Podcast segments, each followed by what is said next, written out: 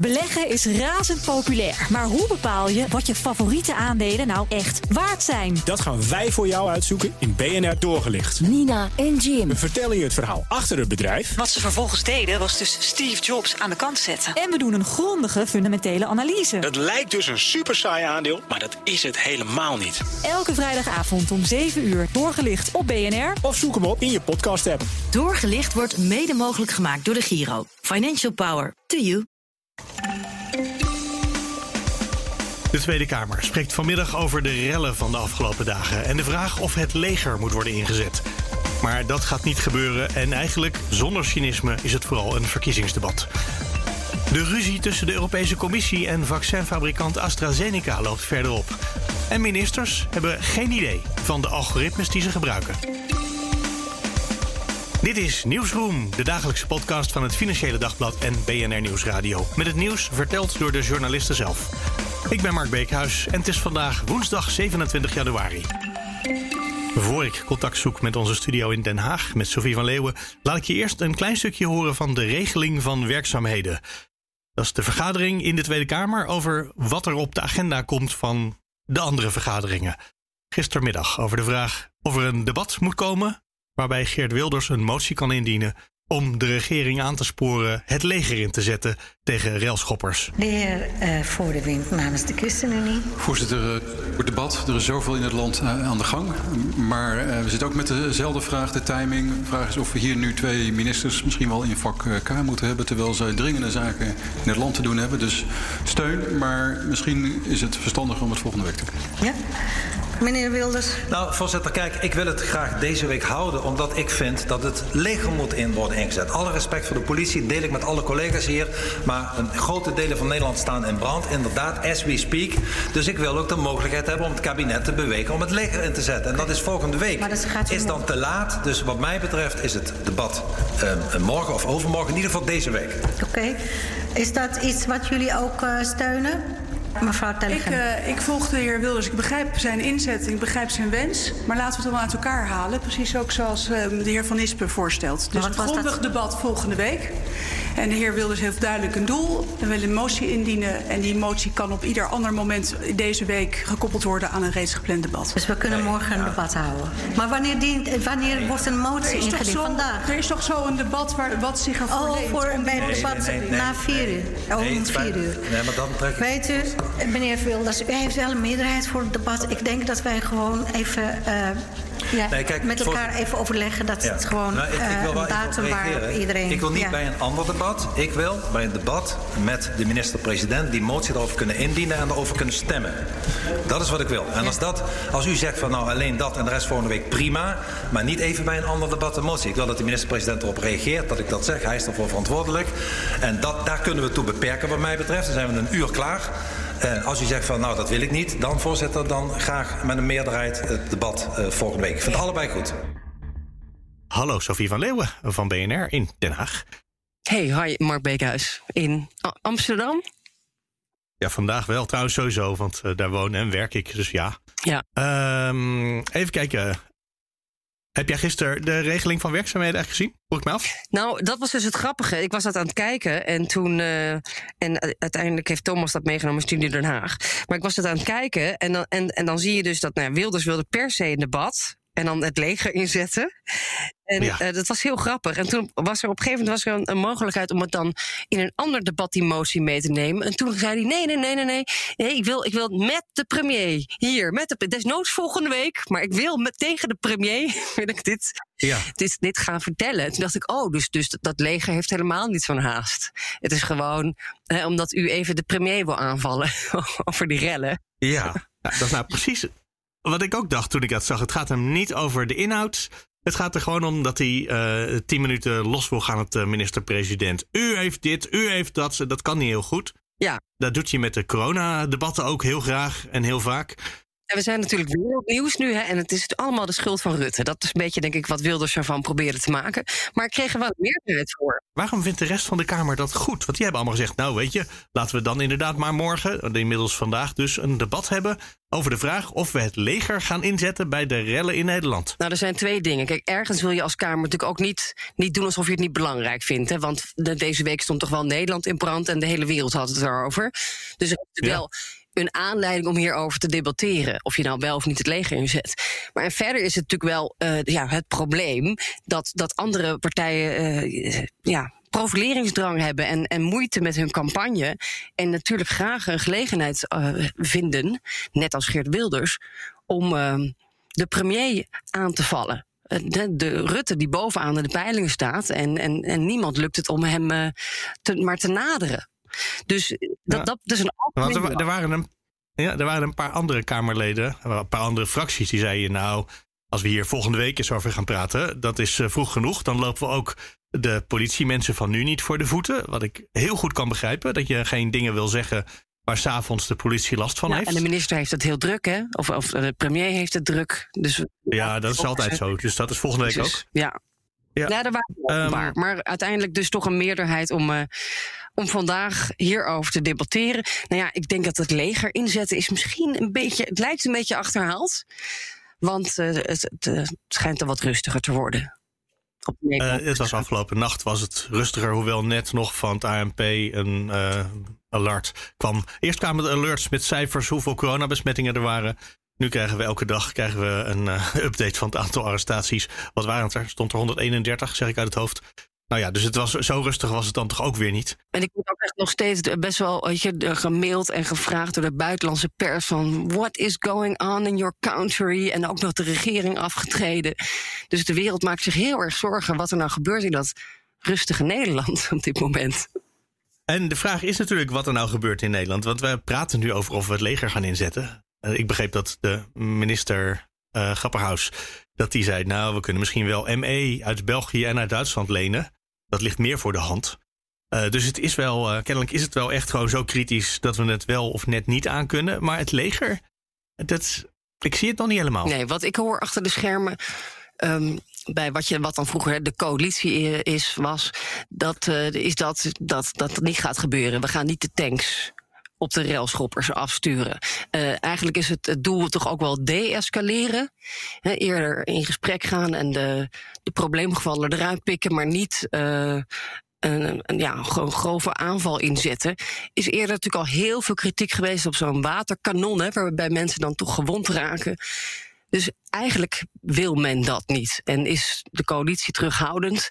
Het is wel zo dat ze bij de coalitie dan weer zeggen tegen mij: welke coalitie? Want eigenlijk is er, is geen coalitie meer. En is het een beetje ieder voor zich in de Tweede Kamer. Maar ik denk niet dat, dat Geert Wilders um, zijn zin gaat krijgen. En dat inderdaad dit een, uh, een militaire, grootschalige militaire operatie gaat worden. Dit debat staat voor kwart voor twee vanmiddag tot kwart over vier. Dat is niet heel erg lang. Zou het iets kunnen opleveren, het debat? Gewoon dat het. Um, ja, we hebben geen idee eigenlijk wat, maar zou het iets kunnen opleveren?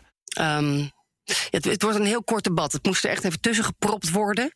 Um, er zijn ook wel uh, andere moties die zullen worden ingediend. Je hoorde bijvoorbeeld het CDA, uh, Madeleine van Torenburg. Die zei van ja, ik vind het echt belachelijk dat ondernemers die dan proberen hun winkel te beschermen, een boete krijgen omdat ze na negen uur s avonds op straat waren hè, tijdens die rellen. Mm -hmm. Dat soort dingen. Hè, dus er zal wel misschien hier en daar een toezegging komen.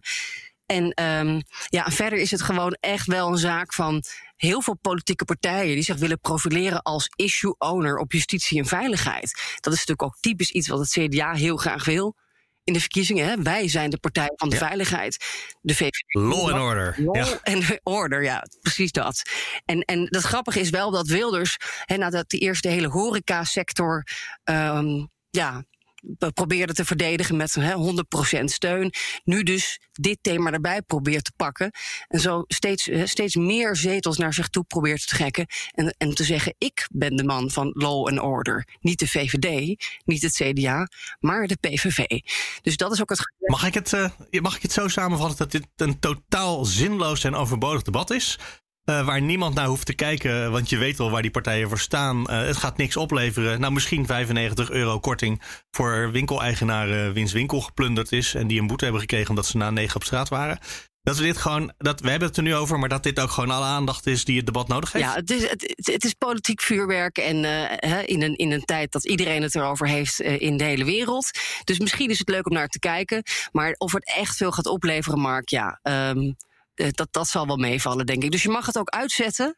Maar wij zetten het aan in de studio Den Haag.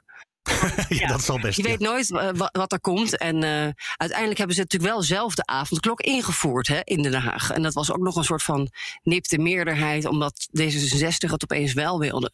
Dus ze ja, maar die rellen gaan niet over de avondklok. Er zijn ja. mensen die daar tegen gedemonstreerd hebben, maar die rellen staan daar echt los van. Ja, maar goed. Hè. Nee, oké, okay, maar ik kreeg net, net een mailtje van, uh, van PostNL dat ze tussen kwart voor twee en kwart over vier precies de duur van het debat een pakketje komen bezorgen. Maar dan kan ik gewoon rustig naar de deur lopen, even het pakketje aannemen. ja, doe dat maar. Doe dat maar. ja, dan hoef ik niet te wachten. Maak je geen zorgen. Law and order in this country. Sophie van Leeuwen, dankjewel. Dankjewel. En uh, ga je niet dat... kijken? ik, uh, ik verwacht het niet eigenlijk. Ik nee. dat het wel weer vermakelijke politieke. Uh, het ja. gaat meer over de campagne, snap je? Hallo, Matthijs Schiffers van het Financieel Dagblad. Goedemorgen. In Brussel, we gaan het hebben over AstraZeneca. Ja. Uh, of over de vaccins en uh, de ruzie met de Europese Commissie daarover. Uh, de eerste zin in het artikel wat je gemaakt hebt. Er is best wat voor nodig om de Europese Commissie boos te maken. Toen dacht ik ja. Maar het is er wel gelukt.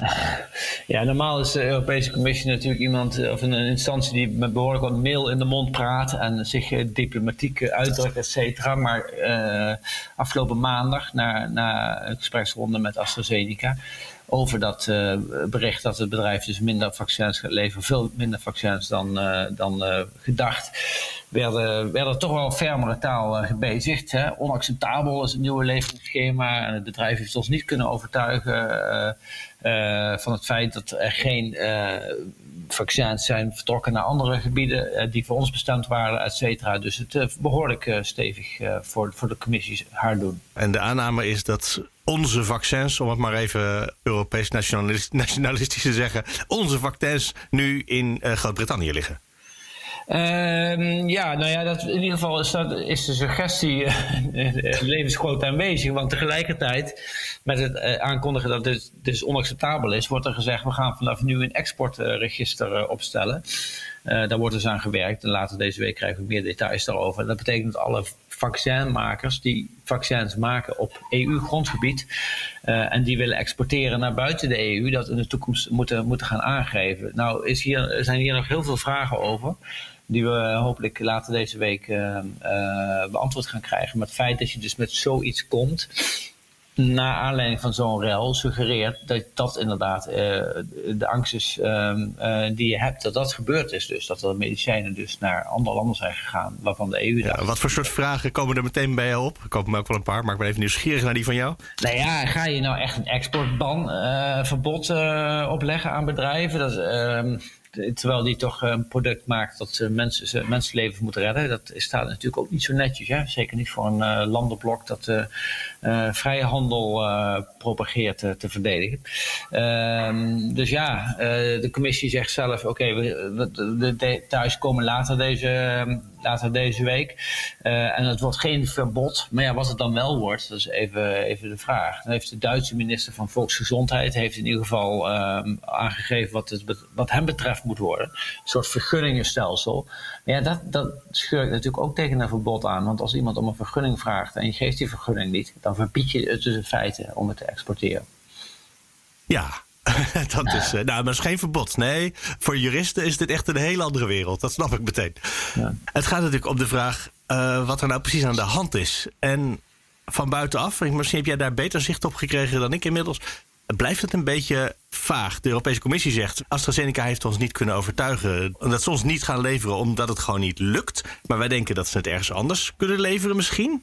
In een interview met uh, een Italiaanse krant zag ik uh, de baas van AstraZeneca zeggen: Ja, de Britten waren gewoon drie maanden eerder met hun contract. Dus we gaan eerst dat leveren. Dat leek mij heel helder.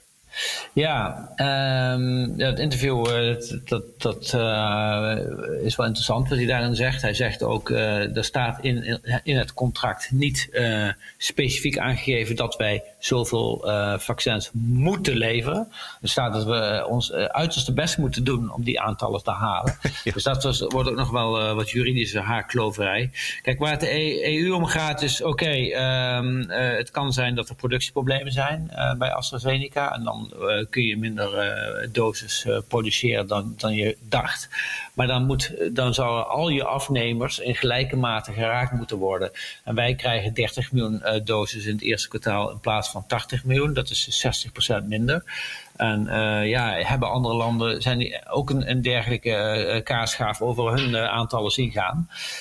en dat is dus de vraag die ze, die ze helder willen krijgen. Nou, de, de, die, die topman van AstraZeneca die zegt heel duidelijk: er zijn geen um, vaccins naar andere gebieden gegaan die eigenlijk bedoeld waren voor, voor de EU.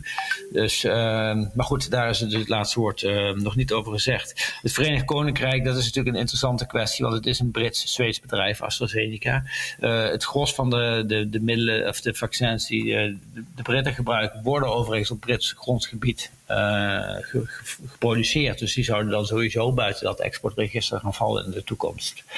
Uh, ja, maar de, de spullen die nu in Nederland en in België gemaakt worden en in Duitsland en nog een, wat was het, Frankrijk geloof ik, uh, verpakt.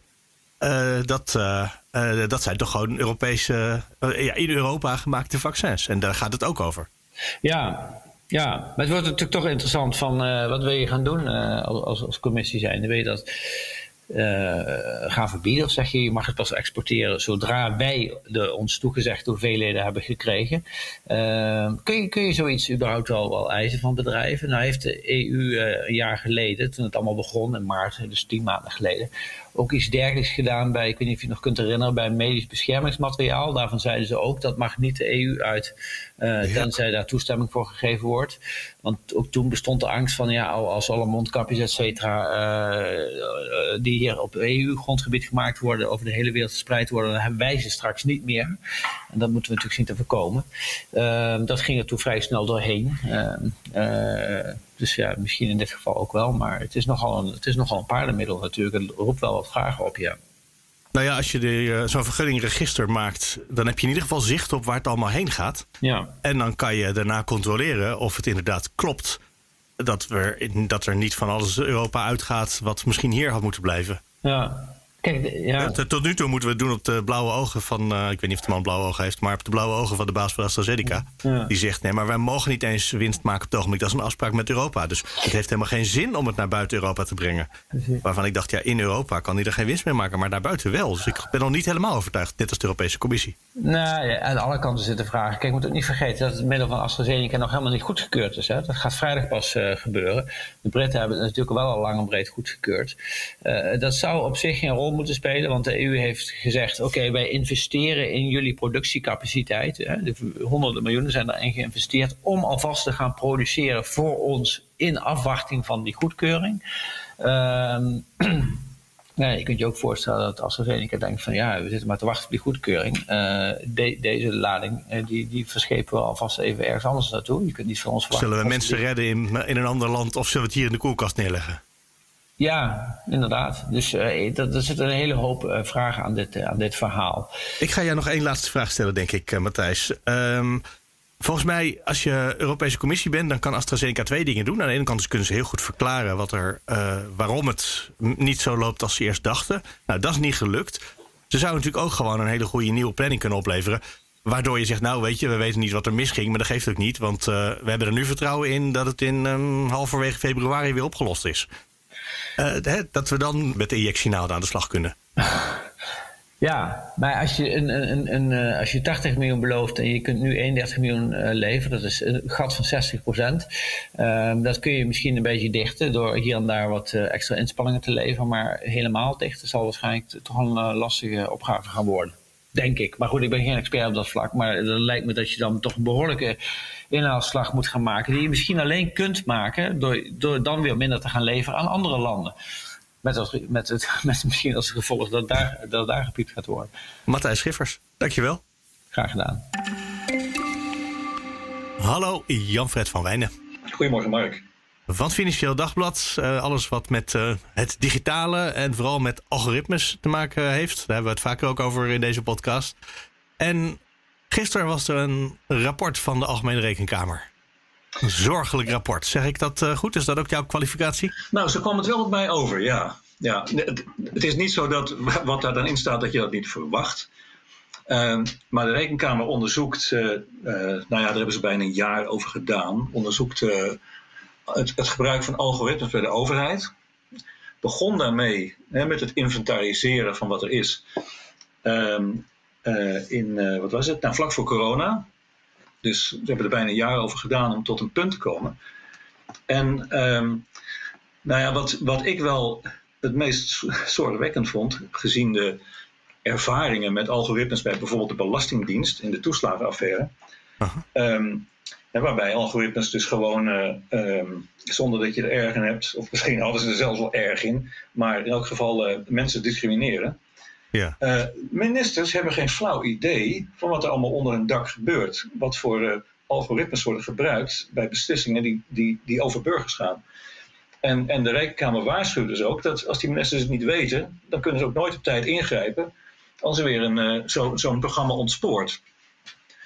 Dus ja, ik vond dat wel uh, zorgwekkend. Ja, voor we de techniek en de echte problemen ingaan, uh, heel even, wat begrijpen we hier onder een uh, algoritme? Want lang, lang geleden, toen ik nog op een universiteit rondliep en daar leerde programmeren, zei ze: een algoritme is gewoon een soort gebruiksaanwijzing voor wat je doet. bijvoorbeeld, je meet eerst genoeg water af, dan maal je de koffiebonen, dan zoek je het goede koffiefilter, dat stop je in de koffiemachine.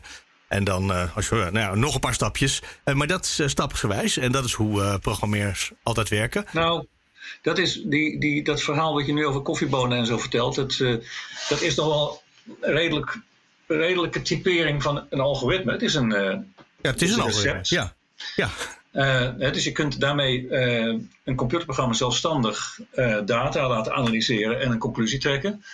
Die data kan heel simpel zijn. Dat je, uh, je hebt in je systeem ingevoerd hoe iemand heet, wat de leeftijd is, wat, wat de woonplaats is. Um, of er uh, nou, speciale omstandigheden zijn. En dan kan het programma besluiten: ja, deze persoon krijgt een bepaalde subsidie, of er wordt een visumaanvraag toegekend, of die persoon krijgt het niet. Um, dat klinkt allemaal heel heftig, alsof de computer dan bepaalt bij dit soort dingen is het een computer die een seintje geeft aan een ambtenaar van let op, uh, hier moet je uh, beter naar kijken. Maar dit zijn de, de simpele algoritmes, gewoon de wiskundige formules. Uh, en dan heb je de wat ingewikkelder algoritmes, die, die kunnen, ja, dat noem je dan al snel kunstmatige intelligentie, die kunnen um, zelf conclusies trekken op grond van de data die ze voorgeschoteld krijgen. Dus die zoeken zelf uit hoe ze koffie moeten maken. Ja, ja, die kunnen ook besluiten om er cappuccino van te maken. dat zijn zelflerende uh, algoritmes. Uh, de rekenkamer heeft gezegd, uh, die treffen we nog niet aan nu bij, bij de overheid. Maar dat gaat wel snel komen, want er komen er steeds meer op de markt. Maar we hebben het dus over die simpele algoritmes. Die dingen waar je eigenlijk gewoon in de computercode kan kijken. Wat doet de overheid met de gegevens en op grond waarvan kijken ze? Ja, de rekenkamer was daar op zichzelf wel blij mee dat, dat ze het daarover had. Want daardoor konden ze nog snappen uh, wat die algoritmes deden, waarom ze tot een bepaalde beslissing kwamen. Uh, het was dus niet hè, wat dan doorgaans wordt genoemd een black box, waar, waarbij je geen idee meer hebt waarom die iets doet. Dan moet je de uitkomst gewoon uh, accepteren. Ehm, ook de programmeurs weten het vaak niet, omdat het programma, nadat ze het loslaten, zelf, zelf nieuwe verbanden gaat leggen en nieuwe nieuwe regels opstelt voor hoe die data analyseert. Um, het was wel opvallend, vond ik dat, en, althans het is een conclusie van de rekenkamer, dat zoveel ambtenaren die ze hierover interviewden niet wisten of ze nou met een, een gewone uh, Microsoft Excel-programma te maken hadden of met een, dat zeg ik nu even hoor, want zo, zo gedetailleerd vertellen ze niet, maar um, dat de ambtenaren niet weten, is het een algoritme of is het een doodgewoon computerprogramma? Nou kwam gisteren dat rapport uit, uh, dus dat uh, iedereen kan nu lezen wat daarin staat. En de rekenkamerrapporten zijn altijd degelijk en vaak redelijk uh, hard en ook wel somber. Um, er was gisteren ook een, een, ja, een overleg met Tweede Kamerleden. Daar mocht jij denk ik niet bij zijn, hè? want dat was achter gesloten deuren. Ja, ja. Ik, ik weet ook niet, ik heb daar nog geen... Um, uh, follow-up op kunnen geven. Want dit is even een praktisch dingetje, maar uh, vrij snel uh, volgde mijn ochtenddienst, waarbij ik dus andere dingen moest doen op de krant. Maar dit rapport is wel echt een, een aller, allereerste voorzetje van wat de Rekenkamer zelf zegt en hoopt. Een, een, hele lange reeks van continue onderzoeken naar algoritmes. Ze hebben heel bewust ook niet een oordeel willen geven over welke programma's allemaal goed en slecht zijn. Het is wat. Uh, het is eigenlijk ja, het is iets wetenschappelijker aangepakt. Ze hebben gewoon gekeken uh, in, die, in die, nou bij elkaar 86 algoritmes die ze hebben onderzocht. Um, of, of ze daar een, een goed uh, handboekje voor kunnen uit, kunnen, uit kunnen maken. Ja. Voor ambtenaren die geregeld willen checken of hun algoritme nog doet wat hij hoort te doen. Of die nog wel eerlijk is, of dat hij sowieso goed, goed werkt. Maar vooral of die, of die eerlijk functioneert. Dus het is een, ze hebben een, een, een, eh, een, een handvatje gegeven om, te, om, de, om, om die ethische vraag te stellen. De ethische vraag of uh, dat algoritme wel gebruikt kan worden. Ja. Niet beter bij een bepaalde beslissing, een visum aanvragen, subsidie aanvragen, wat dan ook uh, uh, aanvraag, of je dat niet toch door een ambtenaar moet, moet doen laten doen. Hè, of een, een, een, eh, een, beslissing om ergens een eh, speciaal fraudeonderzoek naar te doen. Omdat uh, zeker de, de toeslagenaffaire heeft laten zien dat de menselijke maat hierbij heel vlug buiten beeld raakt. Dus dat alleen maar het systeem gaat bepalen of er iets aan de hand is. En dat niet meer een ambtenaar zelf nadenkt of het nog wel redelijk is wat er gebeurt. Nou, dat is de belangrijkste toets die de Rekenkamer adviseert. En op die manier hebben ze dus de, de algoritmes bekeken. En dit lijkt heel erg op uh, wat een dag eerder besproken werd, ook in de Tweede Kamer. Toen kwam Aleid Wolfsen, de baas van de autoriteit persoonsgegevens, uh, naar de Tweede Kamer om daar te praten. Die zei uh, onder andere dat als je door een algoritme geselecteerd wordt en daarna gecontroleerd of, of beboet desnoods, dat je altijd tenminste er als overheid bij moet zeggen: Nou, we hebben het volgende algoritme gebruikt. En uh, dit is de reden waarom we denken dat u uh, gecontroleerd moet worden of een boete hoort te ja. krijgen. Zodat ja. vervolgens, als je die mededeling krijgt, je ook bij de rechter er uh, naar kan vragen: mag dit algoritme eigenlijk wel? Want nu is dat impliciet achter de schermen, zullen we nooit zien. Dan kijkt de rechter er ook niet naar. Maar zo gauw het op papier staat, dan kan je natuurlijk als met je advocaat zeggen: hé, hey, hier moeten we naar kijken. Nou ja, wat, wat Aleid Wolfsen zegt, is iets dat letterlijk in de, in de AVG staat, in onze privacywetgeving dat uh, iedere keer als de overheid een beslissing neemt, trouwens ook als het een bank is of een, uh, een andere instelling, een beslissing neemt die behoorlijke impact heeft op jouw leven, uh, dan heb je het recht om, nou, punt 1, uh, informatie te krijgen over hoe dat gegaan is. Ja. Dus ik denk niet dat een, een, burger het kan schelen wat voor soort algoritme er is gebruikt, maar wel bijvoorbeeld welke data zijn over jou verzameld en welke data spelen een rol bij die beslissing. En je moet ook nog eens een keer het recht krijgen voor een normale menselijke uitleg. Nou, dit, dat is sowieso wettelijk vastgelegd. dit is ook iets waar nu de, de Algemene Rekenkamer weer op, uh, op hamert. Dat burgers altijd uh, het recht moet, moeten hebben om dat te doen en dat het ook makkelijk gemaakt moet worden. De gemeente Amsterdam is ook bezig weten. om dit uh, ja. te organiseren. Die, die, dat staat allemaal nog heel erg in de kinderschoenen. Maar dat draait ook allemaal om het idee dat de burger greep moet, moet, moet kunnen houden op wat, op wat computersystemen van de overheid over hem of haar uh, beweren. En dat is moeilijk genoeg, want dat is een hele tak van de wetenschap op het ogenblik die probeert te bedenken hoe je een zelflerend uh, algoritme zo kan bouwen dat het ook zelf uitleggend is. Dat uit nou hier en naar heb ik naar gekeken. Dit waren mijn argumenten. Ik denk nu dat u deze vergunning moet weigeren. Ja. Maar dat is helemaal nog niet zo dat dat in alle gevallen vanzelfsprekend is hoe je dat moet doen. Uh, dus dat is nog een uitdaging voor de overheid en trouwens inderdaad wat je zegt ook voor alle banken. Um, je zei net nog iets, de overheid heeft helemaal geen idee van welke algoritmes uh, ze op het ogenblik gebruiken en hoe die werken.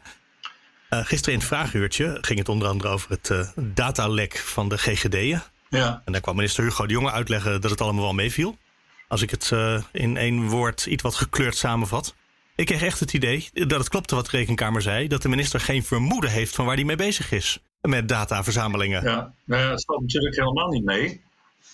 Nee, nee, zeker niet. Dat is natuurlijk wel de eerste reflex van een, een verantwoordelijke minister.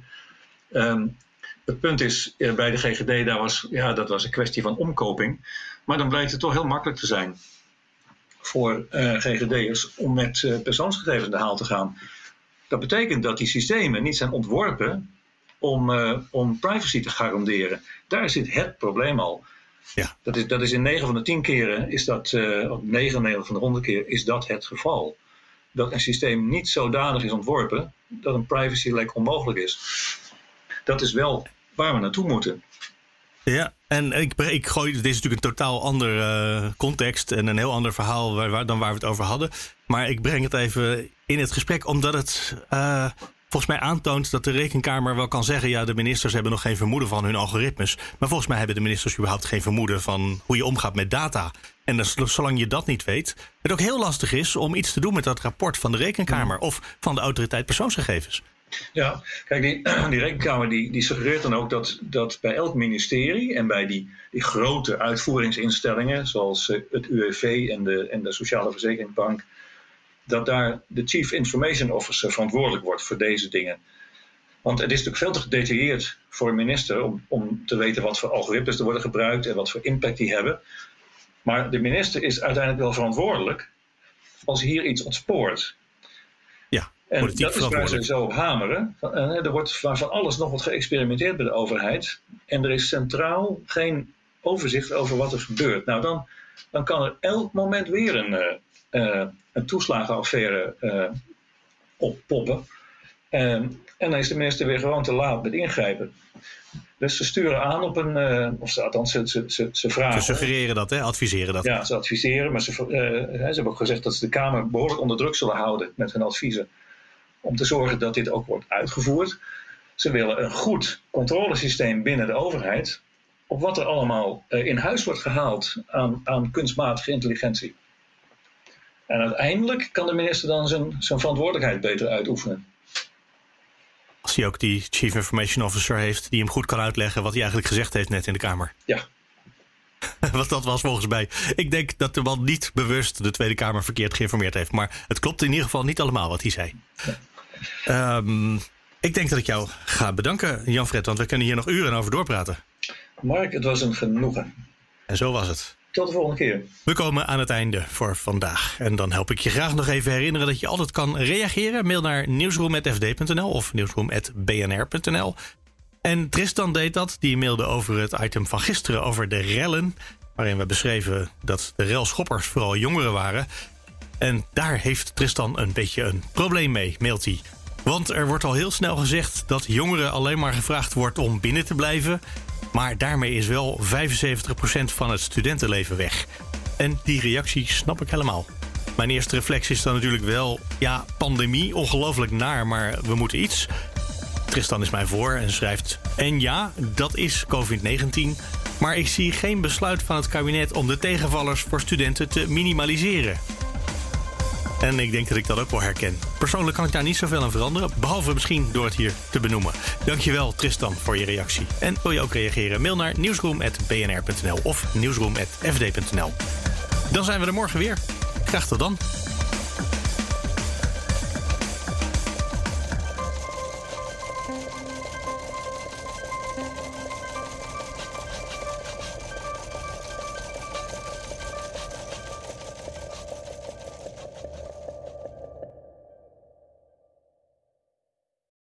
Is razend populair. Maar hoe bepaal je wat je favoriete aandelen nou echt waard zijn? Dat gaan wij voor jou uitzoeken in BNR Doorgelicht. Nina en Jim. We vertellen je het verhaal achter het bedrijf. Wat ze vervolgens deden was dus Steve Jobs aan de kant zetten. En we doen een grondige fundamentele analyse. Het lijkt dus een super saai aandeel, maar dat is het helemaal niet. Elke vrijdagavond om 7 uur doorgelicht op BNR. Of zoek hem op in je podcast app. Doorgelicht wordt mede mogelijk gemaakt door de Giro. Financial Power. To you.